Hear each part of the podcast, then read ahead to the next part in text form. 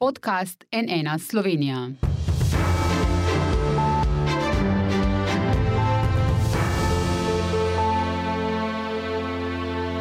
Dobro dan, to je NN studio. Za trenutek smo pomislili, da nas po dveh letih nadležne epidemije takoj čaka nova. Veliko pozornosti je požel virus opičjih kos, ki je bil že potrjen tudi v Sloveniji, a k sreči ne gre za tako zelo nalezljivo bolezen, čeprav znajo biti simptomi kar zoprni. Da ne bi bilo kakšne nepotrebne panike, pa da bomo vseeno vedeli vse, kar moramo, smo v studio povabili človeka, ki mu gre to res dobro od rok ali pa od ust, dr. David Zupančič, specializant infektologije z infekcijske klinike v Ljubljani. Dobro dan, dobrodošli ponovno v tem studiu. Hvala, z veseljem. Zdaj, prejšnji teden ste na Instagram profilu objavili serijo storijev, v kateri ste zelo poljudno in mirno razložili vse, kar bi ljudi lahko zanimalo o opičjih kozah. Zdaj gre za povzročitelja iz eh, skupine POX virusov, uh -huh. kamor sodi tudi virus črnih koz. Ta grozljiva bolezen je bila, zahvaljujoč znanosti, cepivu pred 40 leti izkoreninjena. Opične koze so k sreči mnogo manj nevarne, ampak glede na to, da to ni nov virus, eh, je moje prvo vprašanje, odkot se je zdaj vzel? Ja, to je vse dobro vprašanje. Ne. Vzel se je sicer iz Afrike, vprašanje je bolj mogoče, zakaj. Ne. Zakaj zdaj smo včasih mislili, da gre predvsem za prenos žival človek, zdaj ne nadoma prenos človek, človek, prenos v Evropi. Um, moramo pa vedeti, da je seveda svet. Na neki stopni globalizacije, ki najbrž še nikoli prej ni bil, uh, vseh vzrokov, zakaj se je tukaj zdaj pojavil, ne vem. Vidimo pa, žal, ne, po teh dveh letih epidemije, ki smo jo omejevali tudi z maskami, zaščitnimi ukrepi, in hvala Bogu, da smo jo, uh, vidimo skok v določenih povzročiteljih, tudi navadnih, tudi navadnih povzročiteljih prehladnih obolenj, recimo respiratorni sincicijski virus, imamo na infekcijski kliniki še zdaj, pa je v bistvu juni, ne, uh mhm. -huh. poleti, ki nismo videli, adenovirusov je veliko, rinovirusov, tako da tudi čaka nas najbrž velika sezona gripe. Enostavno človek, super, maske za omejitev. COVID-a, ko smo bili res na najhujši situaciji, epidemični, hvala Bogu, ampak nekako nismo narejeni, da se varujemo toliko, pred, moramo biti v stiku z, z agencijo iz okolja. Um, tako da zdaj, kakorkoli že, stvar je v Evropi. Ne. Mhm. Ja, ker tako velikega izbruha zunaj Afrike doslej v bistvu mm. še ni bilo. Ne? Bili so posamezni primeri, v Ameriki je bil en primer, ko, ko je par dobil uh, virus opičjih kos od mm. svojega prerijskega psa, uh, uh, ampak takega uh, velikega izbruha zunaj Afrike pa, pa še ni bilo. Ja. Čemu bi lahko to pravzaprav pripisali? Ja, ne vem zagotovo. Uh mhm. -huh. Ne vem, zakaj um, je zdaj tukaj. Točno zdaj in zakaj prej ni bil. Vem, da je dobra novica to, da je seveda neprimerljiv s SARS-CoV-2 v primeru mm. kužnosti, in tudi zato ni bilo toliko velikih izbruhov in tudi zato se tako lažje omeji. Ni, ne gre za to, da je ne vem, nek bolnik na letalo, pa potem celo letalo zboli ali pa v nekem nakupovalnem središču. Tako da širi se dejansko dosti bolj s tesnim stikom, širi se mnogo počasneje um, in tudi same nevarnosti, smrtnosti um, je, je pač manjši. Ne? Če zdaj primerjamo to epidemijo, pandemijo, iz katere počasi lezemo. Mhm. Torej, eh, prenaša se izključno s tesnimi stiki. Ne? Ja, prenaša se preko izločkov v Afriki, večinoma se pravi, smo rekli, žival človek, ne se pravi eh, kri, izločki, kožne spremembe, spremembe na sluznicah in tudi pri človeku gre na ta način. Se pravi, še eno, če te nekdo pokašlja, lahko dobiš, uh mhm. -huh. je pa uh, treba pač nekako dolgotrajnejši in tesnejši stik. Kot pri COVID-u, um, kar je nekako posebno zdaj, ne?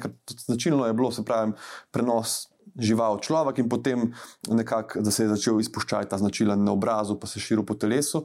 In zdaj, kar je v Evropi nekako tudi novo, je, da se širi večinoma pri spolnih stikih in tudi izpuščaj lahko nastane tam, kjer je bil prvo mesto inokulacije, se pravi anogenitalna regija. Uh -huh. um, in tudi zato so trenutno tudi po priporočilih ECDC uh, bolj ogroženi um, tisti, ki imajo več spolnih partnerjev in pa moški, ki imajo spolne odnose z moškimi, čeprav tudi pri njih ocenjuje tveganje kot zmerno. Um, tako da res ni za paniko. Ne. Ampak glede na trenutno razvoj, vem, da se uh, raziskave še potekajo, ampak ne moremo govoriti, da bi šlo za kakšno mutirano različico uh, virusa opičjih kos, kot ga pač poznamo že, že kar nekaj časa. Da je to ne. Tisti. Pod narekovaj dobri stari virusov. Tako, zaenkrat eh, velja, da je to pač ta virus, ki se pojavi na nekem drugem območju. O teh povzročiteljih govorimo, da so endemični, ali to pomeni, da so značilni za neko področje. Recimo virus klopnega meningoencefalitisa je endemičen v Sloveniji, ali ne bojo ga dokazali v Zambiji. In ta virus je bil endemičen za nekakšno srednjo in zahodno uh, Afriko, zdaj žal pa če prisoten pri nas. Uh, tudi ni nujno, da bo ostal, ne, ni nujno, da bo postal endemičen. Tukaj je ključno vprašanje, če se bo prenesel na živali. Izkorenili smo grozljivo bolezen črnih kos, um, ki je ubila milijone, stotine milijonov ljudi. Izkorenili smo jo pa lahko samo zato, ker je človek edini gostitelj. Ne. Kot je enkrat skočna na komarje, na jelene, na pse, nima šans. Ne. Tako da, če pač pride nekako v ta ekosistem, bomo mogli tudi s tem področiteljem živeti. Mhm. Ja, se, to je bilo ravno moje naslednje vprašanje. Ne? Kaj, kaj z domačimi živalmi, glede na ja. to, da gre za zoonozo? Ali to že vemo, so bolj ogrožene mačke, psi, uh -huh. uh, uh, kdo? Ja, lahko se prenese na ljubljenčke, to vem. Zdaj, za kakšne podrobnosti pa žal ne znam povedati. Ne. To, um, kar smo imeli sestanka in tudi uh, oblikovanje smernice, ne, kjer so mikrobiologi zraven, infektologi, je bilo tudi obljubljeno, da bo veterinarska fakulteta podala navodila smernice, kako ravnati ob okužbi, ob sumu na okužbo in tako naprej. Tako da jaz bom to nekako odgovor na njih prevalil, pa bomo mm -hmm. pozorni, ko objavijo, če še niso. Ja, ampak glede na to, ne, da smo pač z domačimi živalmi, sploh če jih imamo v hiši, če se slučajno okužimo, uh mhm. -huh. verjetno ne bi bilo slabo, da se pač tudi od njih izoliramo. Ja, ja, seveda, zdaj spet govorimo o tesnih stikih, tako da to uh -huh. je mhm. najbrž čist dovolj že to, da si res fino umivamo, razkožujemo roke, ko jim dajemo recimo za jesti, pa da jih ne stiskamo zelo in uh -huh. ne, mhm. ne božamo. Um, ta, moramo vedeti, da vsaka kožna lezija, ki nastane, je lahko -huh. Tako da tudi, če je zelo pomembna stvar, ne, če gre ta bolnik k zdravniku ali pa v bolnico, da ima seveda masko in da si tudi čim več kože, kjer ima te izpuščaje, pač pokrije. Mm -hmm. če, če je to plozuni, da vse nimaš njih kratkih rokavov. Mm -hmm. Nekaj o tem ste že rekli, zdaj glede na poročanje v zadnjih tednih, tudi vi ste v tistem storju na Instagramu rekli, da je virus trenutno najbolj prisoten v populaciji MSM, mm -hmm. torej mhm. pri moških, ki imajo spolne odnose z moškimi. Tu je treba biti previden, da ne stigmatiziramo. Tudi po besedah najbolj znane slovenske uh, virologinje, dr. Tatjane Avšič-Županc uh, za NN, gre za na ključe. Ne? Mhm. Torej, ne gre za to, da bi bili moški bolj ogroženi od žensk. Ne, ne gre niti za to, da bi bili moški bolj ogroženi, niti za to, da bi bil to spolno prenosljiv virus. Zaenkrat uh, ta teza ni bila potrjena, ali tako kot je vem, HIV. Um, gre za to na ključe, ker je pač enostavno so stiki tako. Kot smo rekli, rabiš zelo pač ozek stik, ne tesen stik in da je teh stikov bilo tako veliko, da se je tam nekako to začelo. Mhm. In ne moramo reči, da ne bo pač čez en mesec neka druga populacija, kjer bo to bolj krožilo. Um, je pa pravilno, da se seveda, ne sme se stigmatizirati, se pa mora opozoriti. Zato pač tudi ljudje vejo, kdaj morajo biti bolj pozorni in na kaj morajo biti bolj pozorni. Da, uh, nekaj smo že tudi o tem povedali, ampak vendarle, kakšni so simptomi in morda kdaj postane jasno, ali bomo imeli resne ali mhm. zgolj tiste blage težave, ki so seveda v največjem odstotku primerov ostanejo zgolj blage. Ja, začne se ponavadi nekako vročino, slabim počutjem, glavobolje pogost in pa pogosto je tudi in s tem se tudi od noric lahko loči, da boleče zatečejo obzgavke, česar pri virusu noric redko, redko vidimo. Um, potem pa ob vsem tem pride do tega izpuščaja, ki se pojavi ponavadi na mestu inokulacije, pa se potem lahko širi. Izpuščaji so ponavadi vsi enaki, spet razlika z noricami, ki imajo različne zrelosti ker imaš več zagonov viremije. Koliko časa se upravičujem, pa traja, da, da nastopi ta inkubacija? Ja, to, izpuščaj, inkubacija je do 20 dni celo lahko, uh -huh. izpuščaj pa pač v nekaj dneh, ponavadi uh -huh. po začetku simptomov, lahko tudi več. Um, in potem, ko se izpuščaj nekako pojavi, potem najbrž vemo, da imamo uh -huh. uh, pač to okužbo in moramo vedeti, da smo kužni, dokler se res ne posušijo in nastanejo kraste in se odluščijo. Zdaj zapleti so redki. Uh, zaplete moramo predvsem zdraviti kakšne bakterijske superinfekcije, to se reče superinfekcija, pomeni nacepljanje bakterije na virusno okužbo. Um, in to, recimo, če bi se začeli gnojiti te, te izpuščaje, da bi eno področje bilo zelo rdeče, boleče, vam gnojiti, če to pomeni, da je lahko tam bakterija na to poškodovano kožo prišla. Um, so unetja oči, ki so lahko zelo nevarna, če se ne zdravijo, ker naredijo brezgotine in lahko človek oslepi. To je bolj v državah v razvoju. Pri nas imamo oftalmologe, ki imajo tudi topikalno lokalno terapijo. Tako, tako da moramo biti pozorni na te stvari. Eh, pa absolutno pač izolirati se od, ljudmi, od ljudi, sploh imunsko oslabelih, pa nosečnica. Ne. Žal lahko pride preko okužbe uh, tudi na plod v maternici in to je lahko huda okužba. Tako da v vsakem primeru jaz tudi za nosečnice vedno rečem, da vsaka ženska prej za nos mora vedeti svoj status glede noric. Uh mhm. -huh. Če je prebolela, super, si zavarovan. Če nisi, se mogoče splača ali vprašati svoje pediatre, če ima kakšne podatke, zdravnico ali pa se cepiti. Ker uh, norice če nosečnica ni prebolela noric in pride v stik za plod, izjemno huda bolezen lahko in so tudi deformacije. In, um, in to je ena stvar, ki ni mogoče se ne pogovarjati o tem, ampak vedno, ko imam možnost, da to omenim, da pač ljudje vejo. Da, da, ne, se, se prav, da vedo.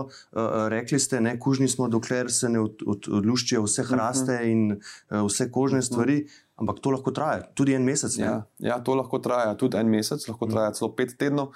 Um, spet pa je to drugo. Ne? Zdaj, če smo govorili o COVID-u, ko smo imeli taka priporočila, da res skoraj nisi smel niti na stopnišče stopiti, mm. da bi vzel vrečo s hrano. Um, tak človek lahko gre na sprehod, recimo, ne? lahko gre, ne vem, pelje ven psa, zdaj spet govorimo s psom, čim manj tesnih ja, stvari. Ja. Govorim, da ni taka omejitev, ne? še vedno odsvetujem, da gre na avtobus, ne odsvetujem, mm -hmm. da se mhm. pač s partnerko v isti posteli spi. Ampak um, enostavno je treba pač te, tudi če gremo ven, kamorkoli, če se pokrijejo te, uh, te zadeve, pa če imamo masko v notranjem prostoru, ni taka uh, huda stvar. Je pa pač fajn spremljati malo tudi uradna priporočila. Uh, Sprav, če bo NJZ dal neka neka priporočila, da se to pač upošteva, ker je z nekim namenom. Ne. Ja, vlada je vmes tudi spremenila, kar se tiče epidemiološkega sledenja. Ne, prejšnji teden, ko ste govorili o tem, je bil to še problem, tako. zdaj ni več. No, uh, zdravljenje. Uh -huh. Kako je z zdravljenjem in ali zdravljenje ali cepivo? Ali je ja. sploh ta dilema? Ja, dileme žal zaenkrat ni, ker cepiva še nimamo v Sloveniji. Um, zdaj je pa tako, infektologi vedno imamo rajš, seveda, če je cepivo na voljo in je varno, da se cepi. Uh, prvo cepivo proti um, črnim kozam, to je to cepivo, ki deluje tudi proti opičim, uh mhm. -huh. je bilo živo, je bilo bistvo, cepivo, ki je imelo veliko omejitev.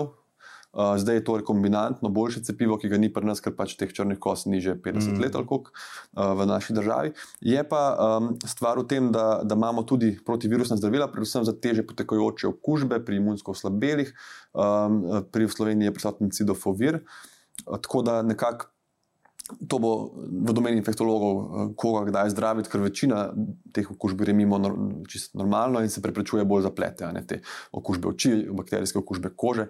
Um, cepivo pa, če bo pač na voljo tistih, ki so cepljeni, mislim, da to velja, da so še vedno v nekih 85 odstotkih zavarovani, uh, ampak teh ljudi ni veliko, ne, cepljenje se, se ne, ne izvaja več, nekaj izkorenjena bolezen je bila leta 80, mm. uradno. Um, Tako da, ko bo na voljo, eh, predvsem za tvegane populacije, tisti, ki so recimo, eh, bolj ogroženi in za okužbo, in pa predvsem kakšne eh, ženske, ki bodo zanosile, pa imunsko oslabeli, mhm. tem bi absolutno svetoval zaščito. Ampak glede na to, kako se trenutno ta virus širi, mhm. pač ni še neke potrebe, da bi šli v neke akcije, cepilne in tako naprej. Ne, to, to je zdaj čist ja. druga situacija. Mm. Zdaj, to cepljenje, ko se omeni, so ljudje tudi malo defenzivni. Ker smo pri COVID-u je bilo to glaven poudarek, ne, zdravnikov, medijev, NJZ. Ampak morate vedeti, da ti COVID se je, če samo en klaster nastal, se je tako hitro razširil in obrnil. In, in, in pač dejansko smo imeli pritisk v intenzivne enote, tako da smo imeli iz vem, 300 postelj v celi Sloveniji, intenzivnih smo šli v 220 eh, postelj samo COVID-ov. Mm. Tisti drugi bolniki niso zginili. In zato je bil ta pritisk, prosim, cepte se. Imeli smo zelo, mislim, čas, da se je preganjal. Tako da tukaj bo bolj nekako si jaz predstavljam kot priporočilo. Mm. Um, je pa to cepivo, če bo koga Mot, kar je ljudi motil pri COVID-u, da je novo, pa da je vse tako hitro. To cepivo je res že znano mnogo, mnogo, mnogo vrsto let in smo z, njo, z njim skoraj skorenili eno bolezen, tako da mogoče bodo ljudje malo um, manj prestrašeni iz tega vidika. Ne. Ja, uh, ključno vprašanje, morda zdaj ne, juni bo, uh, juni je pred vrati. Kaj moramo vedeti v bistvu pred poletno sezono, pred dopusti? Vemo, da ljudje smo se nekako zdaj že malo sprostili, ne, COVID ni več taka nevarnost, ja. maske so zdaj ravno je ja. vlada ukinila, vse posod tudi v zdravstvu. Uh, so, sem videl gasilske veselice, koncerte. Ja, torej, ja, ja. Vedno več je teh tesnih stikov, ja. kot smo jih poznali včasih, morda, morda tudi hočemo malo nadoknaditi ja. to izgubljeno obdobje uh -huh. v dveh letih. Torej, kaj, na kaj moramo biti pozorni, previdni zdaj, ko bomo odhajali na, na morje, na dopuste uh -huh. in na razno razna druženja in žurke in tako naprej. Ja, mislim, definitivno želimo nadoknaditi. Mislim, da je čisto normalno in tudi mm. prav, da želimo nadoknaditi vse te nekakšne izgubljene socialne stike in potovanja in vse. Mm. Zdaj, um, predvsem mislim, da ni na mestu neka panika. Ne? Um, in tudi, ko se zdaj veliko poroča, tudi pač bil je tisti nov hepatitis pri otrocih, pa zdaj te opiče koze. In se mi zdi, da je ključno, da je to poročanje res nesenzacionalistično, objektivno, mirno, ne, z dovolj ustreznimi podatki, da se ljudje ne bojijo, da bodo res iz ene epidemije v drugo. In da vem, da se ne, če daš na nek spletno stran naslov, ali bodo meje zaprte, da bodo vsi kliknili, pa bo veliko se brali, ampak nekako to ta. Ni pa odgovornost. Tako je, ja, odgovornost medijev, ne, da do tega, kaj, kako in kaj poročajo. In jaz bi sam rekel, eno splošno, čisto tako nekje iz glave priporočilo, da če smo bolni, pač ne gremo vem, na morje, žurati v bar, v diskoteko. Pa, če imamo vročino, če kihamo, če imamo izpuščati, tudi če ga nimamo, konec koncev, da gremo v službo. Mm. Res, ta, ko si bolan, ostaneš doma, drugače pa pač ne. Se družimo, se, se tudi jaz družim in sem mm. komaj čakal, da bo spet tako varno, da se bom lahko. Ne. Ja, zdaj, eh, eno, en vidik tega je tudi naša občutljivost na epidemijo. Uh mhm. -huh. Imunolog dr. Alois Ihan, uh mhm. -huh. ki je tudi mimo grede o tisti vakcini, o tistem prvem cepivu proti črnim kozam, kar nekaj uh, napisal pri nas, uh -huh. tako da mhm. vabljenih k branju. Uh -huh. Med drugim je pa zapisal tudi tole: citiram, Pandemija je povzročila, da se epidemiološke novice takoj razširijo med stroko in tudi na naslovnice osrednjih medijev, in še glede odziva na opiče koze. Citiram, takšni alarmi ne bodo pomenili najave nove svetovne katastrofe, ampak bodo praviloma samo signali za pravočasno obvladovanje bolezni, ki so nekoč prizadele veliko ljudi, ne da bi ti vedeli, kaj jih je pravzaprav doletelo. Torej, če strnemo nekako po črto, COVID je bil vsaj za nekaj dober. Ne? Uh mhm. -huh. Ja, mislim, da je bil za nekaj stvari definitivno dober. Um, in to je ena stvar, da se tudi naučim. Pač naš odziv na COVID, pa ne mislim le za Slovenijo, mislim svet in mm -hmm. svetovno zdravstveno organizacijo, je bil pač slab, ne je bil počasen. Lovili smo se, kot da ne bi pričakovali, pa pandemije se pojavljajo. Ne. Žal se bo najbrž pojavila sicer nekje na sto let, recimo, se bo pojavila še kakšna, ne vem, če zdaj v našem času, ampak nekako moraš biti. Pripravljen in pozoren. In, in to, da se to pojasnjuje in da se nekako objavlja o tem, uh, um, se bi jaz vzel kot nekaj dobrega, ne? da je pač manj verjetnosti, da se to razvije do te stopne, da mm -hmm. se zapirajo vem, trgovine, meje in to. In je manj verjetnosti, da ne začne zmanjkovati prostora v bolnišnicah. Je pa seveda treba tukaj ljudi opozarjati in tudi mogoče, da vsak zase ve, da uh, enostavno to, kar se je zgodilo s SARS-CoV-2 virusom, je bilo res ekstremno. To, da se je tako izjemno hitro širil, da je tako izjemno hudo prizadel pljuča. Um, in zato je bilo vse tako na hiter, ne? jutri ne smemo ven, pojutrišnjem ne smemo po 9 uri, sploh v mestu. In, in, in, in to, da bi spet prišlo do take zadeve, eh, tako na kratko, jaz mislim, da ne. Zdaj, seveda, zimska sezona bo najbrž korona še vedno pred nami, oziroma skoraj zagotovo. Obenem se bo, sem pripričan, vrnil tudi virus gripe, ki je na vides izginil in mm. takrat bo ključno spet cepljenje proti gripi in mogoče ne vem, kako bojo maske, vsaj v zdravstvu si predstavljam. Um, tako da neke, neka epidemija bo, ampak se epidemija gripe je bila praktično vsako leto, tudi pred COVID-om in smo mi imeli polne oddelke in smo veliko delali, ne, ampak ni bilo treba omejevati življenja zunaj bolnice. Ne. In tudi nam je bilo to super, si pač oddelati so težko, izmeno pa si šel ne vem, v restavracijo, si šel na pijačo s prijatelji, ne. nisi šel domov v karanteno. Tako da um, to, da se opozarja, bi jaz vzel kot nek plus. In uh, hkrati rekel, da mirno, ne, da to ne pomeni, da zmeri, ko se nekaj pojavi, da bomo zaprti v svoje stanovanje. Kakšne so pa trenutno COVID razmere? Sej še vedno dobivamo številke, mm -hmm. pač po nekaj sto primerov, tudi čez mhm. cel vikend, zdaj so ja. združene eh, številke, ampak. Eh, na zadnje ste bili tu oktobra lani, ja, takrat je ja. bilo kar težko, in da ste ja. rekli, da ne, ne, ne bo ja. že končno tega ja. konec. Kako je zdaj? Ja, zdaj, prva stvar, ki ljudje morajo vedeti, je, da je virusa še vedno ogromno med nami. Uh -huh. Ogromno ga je. Ampak hvala Bogu, gre tukaj za neko kombinacijo tega, da populacija ni več imunsko naivna, se pravi, smo ali cepljeni, večino preboleli, nažalost, ogromno ljudi je umrlo. Um, in druga stvar je, da se mutacije čisto naravno, ne evolucijsko, tisti sevi, ki so najhujši, bo na tistem področju sveta ali pa države, bojo pač ljudje umrli ne, in se ne bojo tako širili, če zdaj zelo, zelo posplošim. Mm -hmm. Tako da širijo se najbolj, se ohranijo sevi, ki so zelo kuhni, pa ne zelo nevarni. Tako da ljudi imamo še vedno omikron. Tako, ja, in ljudi imamo ogromno s tem s pozitivnim brisom na omikron. Ampak zdaj to bolj pomeni samo logistične težave v bolnišnici, ker še vedno pa nočeš, da pride do nekega oddelka hematološkega, kjer je tam človek z leukemijo, z rakom, hudo imunsko oslabel. Tako da je nekako ta problem, kam boš ljudi sprejel, kje imaš prostor, kje imaš izolacijo, kje je nimaš. Um, samih, da bi pa jaz se ne spomnil, v bistvu, kdaj smo v intenzivo sprejeli prav človeka z COVID pljučnico, ki mu je, ne lahko smo sprejeli nekoga, ki je imel prometno nesrečo, pa je pozitiven, ki ima srčni infarkt, pa je pozitiven. Ampak da bi prav ta virus naredil take blazne pljučnice, kot je bila delta verzija, pa je oktober lani, ko smo se pogovarjali, enostavno je to lahko rečem, stanje bistveno boljše. Res, in mm. tudi pač zaprla se je en, en velik del kapacitet intenzivnih postelj. Tako da smo nekje v tem obljubljenem uh, kraju, območju. Rekel, in veste, jaz sem bil zelo zagovornik ukrepov in tudi mask, pa sem čist zdaj vesel, da berem, da bom lahko tudi recimo, v službi, ko ne bom zraven bolnika, ne ko bom mm. nekje zunaj na hodniku, da bom lahko brez. Najbrž je pa težko reči, ne, nekaj smo že o tem, kaj bo jeseni. Mm -hmm. Še en val, ampak seveda vprašanje je, ali bo kakšna nova mutacija, ne, kaj bo povzročala, kako se bo širila. Ja. tako da težko v bistvu zdaj špekuliramo, ali bomo še kdaj. Recimo v trgovinah rabili maske ali ne, ali pa, ali pa v šolah. Čeprav je že ja. nova politika, ki bo pač jutri imenovana vlada, uh -huh. je Robert Golob kar jasno rekel: ne zapiran in mask v šolah ne bo nikoli več. Uh -huh. Ja, To je kar tako dr, drzna izjava. Se, ja, ne. pač se razumem, da tudi na tej točki je treba nastopati tudi populistično. Pa tako, ne, najbrž večina ljudi je na to izjavo zelo vesela. Jaz ne bom več špekuliral, kot ste rekli. Ne, v bistvu, um, ne vemo, kaj bo, ne vemo, kako bo. Um, jaz vem, da če bi se nek hud sev razširil, Pa sploh, če bi recimo, da mutira tako, da še otroke ogroža, jaz bi svojemu otroku takoj dal masko, jaz bi naredil vse, da ga zaščitim. Ne? Zdaj pač pustimo, kaj bo, kaj ne bo, vse veste, nekaj, kar rečemo, nekaj, pa kar se potem dejansko zgodi. Um, in jaz upam, da bo nekako ta ocena, ne, da, da, da, da, da COVID ne bo ratov hujši problem, bo pa prispeval en del k problemu. Ne? Zime, ki je problem respiratornih, sincicijskih virusov, adenovirusov, gripe.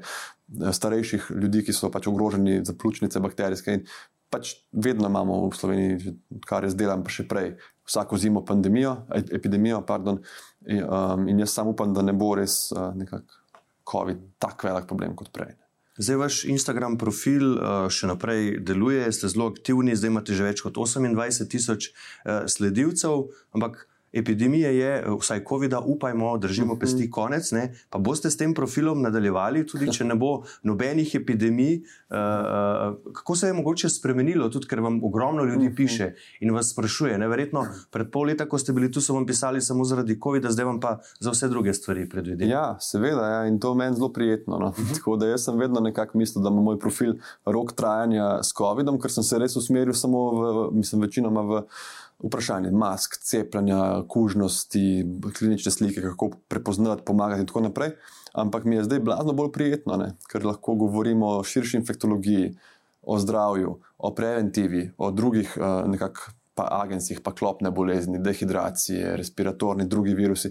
Ljudje me sprašujejo blazno različne stvari, dobra vprašanja, um, širim tudi čisto nemedicinske teme. Um, tako da mi je zelo dober, poleg tega pa še ta plus vseh teh tem, je, da niso tako kontroverzne. Tisto, ko si govoril o cepljenju, ko si govoril o ukrepih, ne, seveda, tu ni samo medicinski problem, to je nek mm -hmm. družbeni kontekst, ekonomsko vprašanje. Ne, in tudi to izjavo, nikoli več ne bo mask v šoli na nek način. Razumem, zakaj bi kdo to želel, seveda, ne, to, to se ti zdi nekako traumatično, če ne drugega za otroke in, in, in te komplikacije. In tako, mislim, katero otrok sploh pravilno to masko ima, mm -hmm. tih 8 ur se najbrž noben. Se pravi, nekako kar ko sem objavil, je bilo tudi nek, nek udarc nazaj iz druge strani, ker sem ga vedno probil, če je bil kot um, kulturen udarc, razumeti in se odzvati. Ampak zdaj pa ne vem, govorimo o klopnih boleznih, o klopnem meningitisu, o boreli. Recimo, tle ne bo noben prišel ven, pa mi je začel težiti, da sem vem, eh, nor, podkupljen in tako naprej. Ker pač to je ena zadeva, kjer, kjer ni ta, take emocije. Ne?